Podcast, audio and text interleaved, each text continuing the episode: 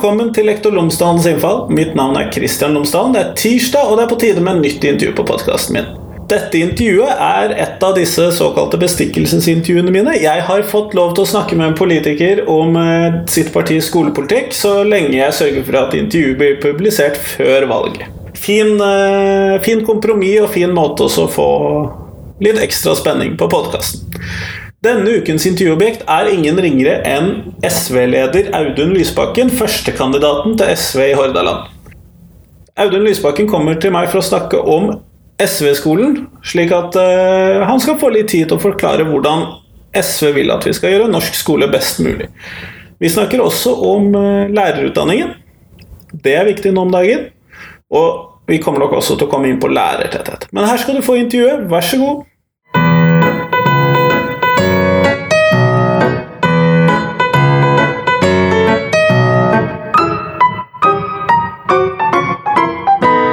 Tusen takk for at du har tatt deg tid til å prate med meg i dag, Audun Lysbakken. Takk for at jeg får lov å være med på podkasten. Nå tror jeg ikke at det er veldig sannsynlig, men eh, kunne du ha fortalt lytterne mine tre ting om deg selv, i tilfelle de ikke vet hvem du er? Ja, jeg får si at jeg er stortingsrepresentant og leder i SV, da. Og så er jeg jo fra Bergen, en utrolig vakker by. Eh, og så hadde jeg skolegangen min på Møhlenpris skole og på det nå nedlagte Bergen Handelsgym BHG. Ja, det som har blitt Amalie Skram. Det er blitt en del av Amalie Skram, i hvert fall. ja. Så det, det fine, gamle skolebygget vårt med Eføyen i Kalfarveien, det brukes vel nå til noe annet. Ja, det tror jeg også. Eh, det jeg har lyst til å prate med deg om i dag, er selvfølgelig skole. Og jeg lurer jo da på hva er, eller hvordan er SV-skolen, hvis vi tar det i gåseøynene?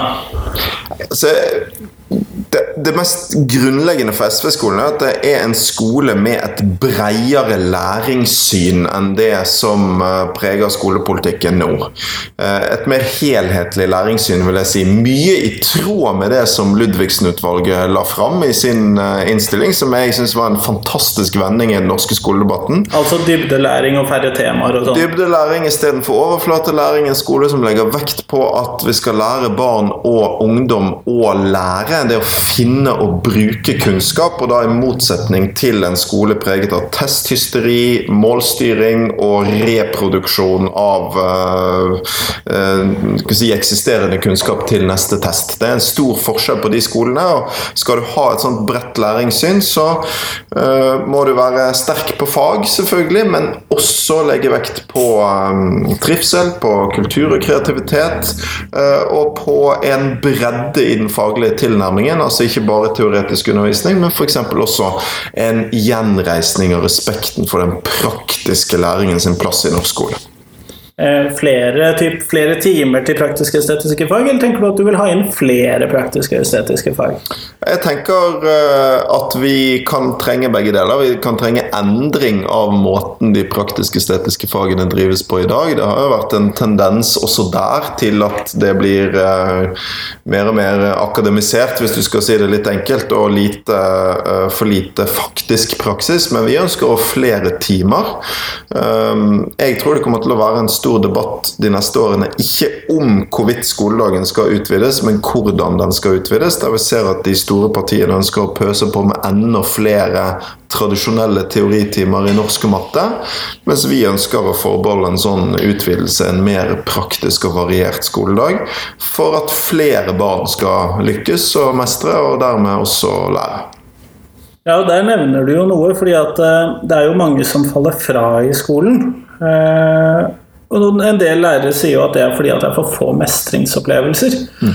Men uh, hvordan kan vi få til dette også i de mer tradisjonelle teoretiske fagene, da, hvis vi skal bruke den betegnelsen? Mm.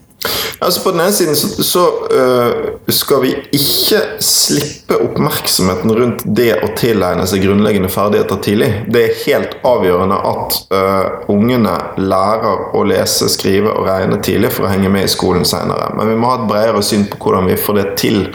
Og da tror jeg at uh, en mer variert skoledag er viktig. At også de ungene som ofte sitter urolige på bakerste benk, får en bedre skoledag. At vi har mer praktiske undervisningsformer i de tradisjonelle fagene, og at vi altså har flere timer til de praktisk-estetiske fagene. Jeg tror også på betydningen av fysisk aktivitet, av gratis mat, for læring. Det er kanskje først og fremst folkehelseprosjekter, men jeg tror at en sånn mer helhetlig skoledag vil gjøre at flere barn trives, lykkes og dermed lærer på skolen. Det har blitt nesten sånn forbudt i de årene Høyre har fått dominere skoledebatten å snakke om trivsel i skolen. Men jeg er jo ikke minst, når vi ser nå på de oppsummeringene av hvordan det faktisk har gått med seksårsreformen, overbevist om at vi er nødt til å tørre å snakke om betydningen av trivsel og en mer variert dag, selv om du alltid vil få det stempelet i pannen som høyresiden da kommer med, om at du ikke er nok opptatt av kunnskap og bare for kos og sånn. Vi må holde fast ved at det er en sammenheng mellom uh, det at uh, unger trives, det at uh, unger med ulike forutsetninger får leve ut det de er flinke til, og det at alle kan lære å lykkes i skolen. Nå nevnte du jo seksårs, seksåringene i skolen og seksårsreformen. og Da er det jo interessant å høre, fordi at ville SV kunne gått inn for å reversere seksårsreformen, eller er det uaktuelt? Det er for seint, tenker jeg. Det er ikke mulig å gjøre i dag. Så jeg tror, jeg tror, ikke, jeg tror liksom ikke den debatten er noe vits i å ha i dag. Men det er veldig viktig å ta uh, veldig på alvor uh, de oppsummeringene som nå kommer, om at det har blitt noe veldig annet enn ja, for det, det er blitt en ren skoleskole. Ja, og så I tillegg så ser det jo ut som om det, det ikke har bidratt til at elevene lærer mer. Det, da, det burde jo få alarmen til å gå hos uh, alle skolepolitikere. Uh, men istedenfor så ser det ut som om særlig høyresiden, men nå av og til Arbeiderpartiet sitt svar bare er mer av det samme. Uh, flere teoritimer, enda større vekt på si, ulike typer litt sånn eh, byråkratiske, målstyrte garantier. Eh, man skal finne ut hvilke skoler som er dårlige ved hjelp av veldig smale indikatorer osv. Mens vi istedenfor tror jeg trenger å tenke ok, hva er det som for det første frigjør tid til det viktigste i skolen, nemlig møtet med lærer og elev. Og for det andre, hva kan gi en bredere dag som flere kan trives med, opplever at de mestrer i. Og Derfor så er de tre viktigste tingene vi ønsker å gjøre for skolen. Det er flere lærere. Uh, altså, flere lærere og det å bli kvitt overfylte klasserom det gir mer tid til møter mellom lærer og elev. Så er vi opptatt av en tillitsreform i skolen. Fordi vi trenger mindre målstyring, vi trenger mindre testhysteri. Vi trenger mer tillit til lærerens faglige kompetanse og autoritet. Det er lærerne som er landets eksperter på læring. Og så trenger vi en mer praktisk og variert skoledag, som vi har vært inne på. Nå har vi nettopp hatt en viss omlegging av lærerutdannelsen. Mm. Eh, gjort om til femårig, det er innført noen krav i forhold til å få lov til å starte. Eh, hvordan kunne du og dere i SV tenke dere at lærerutdanningen ble for å nettopp nå disse målene? Mm. Som, for, å nå SV-skolen så må vi jo ha også SV-lærerne. Mm. Et par åpenbare prioriteringer er at vi må satse på uh, lærerutdanning uh, for de praktisk-estetiske fagene. Der har vi alvorlige problemer i dag. Ja, Der er det stor mangel på fagutdannede. Det er det, og det er et, uh, en stor rekrutteringsutfordring. og det betyr at, Men det, her tror jeg det er litt sånn type sånn høne og egg-greie. For vi får ikke flere unge mennesker til å ville utdanne seg til disse fagene uten at vi samtidig viser at vi har tenkt å satse på det i skolen. Så jeg tror jo at av og til så får vi høre at nei, men SV vil ha flere lærere og dere vil ha flere timer i praktisk-estetiske fag. Det går ikke for det er lærermangel. Men jeg tror at det er veldig farlig å møte lærermangelen ved å senke ambisjonene for skolen. Vi må tvert imot heve ambisjonene for skolen, for da gjør vi det også mer attraktivt å velge å komme til læreryrket. Og også for folk som har forlatt læreryrket, å komme tilbake til det. Um, så er vi også veldig opptatt av innretningen på den nye lærerutdanningen. Um, masterutdanningen kan være med på å gi et løft for statusen til lærerne, men vi må passe passer veldig på nå at ikke utformingen av den nye utdanningen blir i tråd med et sånt smalt kunnskapssyn som jeg mener Høyre står for. Det der man, det ser ut som. Ja, der man legger ensidig vekt på fag, f.eks., mens pedagogikkens rolle blir mindre. Uh, og det er klart at Lærerrollen den handler om uh, mye mer enn fag. Det er relativt fundamentalt at du skal være god til å formidle også. Uh, så vi har jo kjempet en kamp for pedagogikkens plass i, i lærerutdanningen og vil fortsette med det. Hva tenker du om disse hva er det firerkravene i matematikk og eventuelt i norsk som det ligger an til? Altså jeg mener at uh, Det firerkravet i matte er uh, for å si det diplomatisk noe av det minst smarte jeg har sett i, i de mange årene jeg har vært på Stortinget. For det, det er altså, uh, det er klassisk sånn symbolpolitikk, ikke sant? der du skal vise at her er vi tøffe, her stiller vi krav.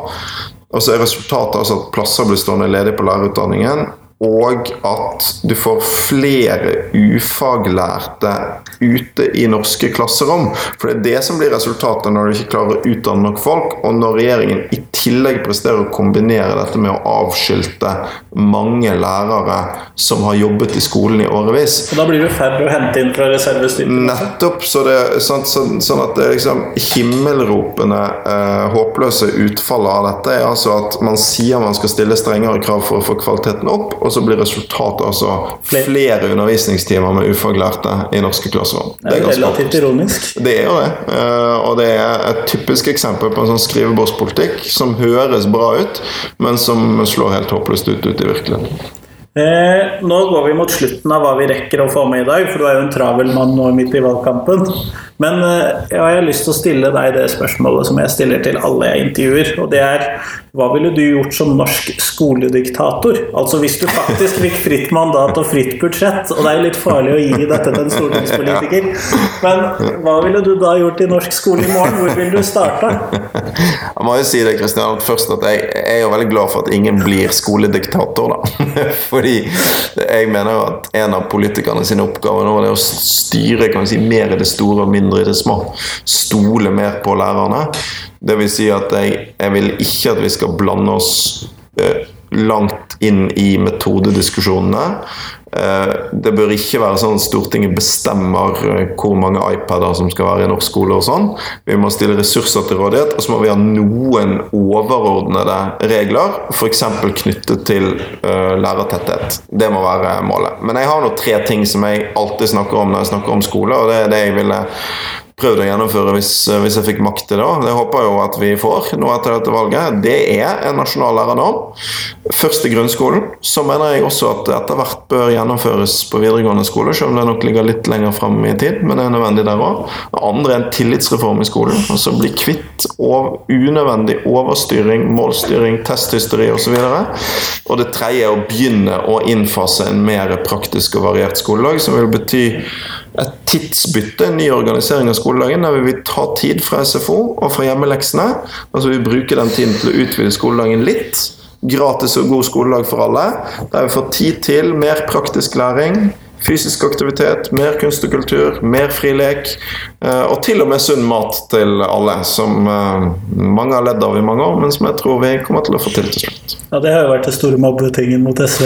Ja, og det er jo sant, en av de dummeste debattene jeg vet. For det er typisk sånn hvis du er Jeg så forresten Høyre delte ut bananer eh, på stand her en dag, så hvis noen lurer på hvor skolefrukten ble av, så så det der. Men, men jeg tror fortsatt det er en sammenheng mellom næring og læring, men det er dessuten et ekstremt viktig folkehelsetiltak. Så vi, akkurat det foreslår vi å finansiere over helsebudsjettet, ikke over skolebudsjettet. Det skal brukes til flere lærere og til uh, flere timer av det vi mangler i skolen i dag. Kjempeflott. Tusen takk for at jeg fikk prate med deg. Takk for at jeg fikk lov å være med.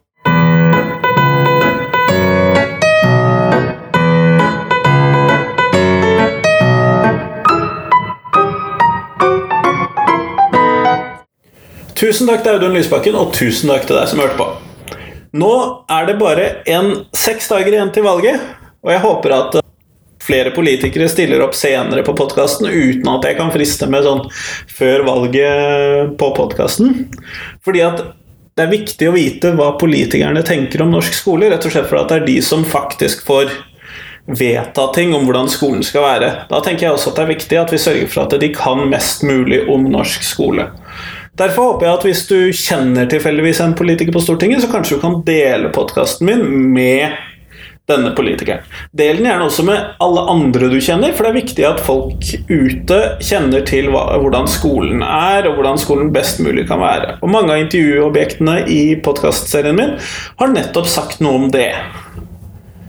Eller så håper jeg at du kan skrive en anmeldelse på podkasten på iTunes. Du kan gi en stjernemarkering, du kan like den på Facebook, følge den på Soundcloud eller dele den med en venn eller bekjent. så håper jeg at vi kan gjøre det for hverandre. Det hjelper iallfall meg med å få spredd podkasten mest mulig. Ellers så får du ha en god uke videre. Hei, hei!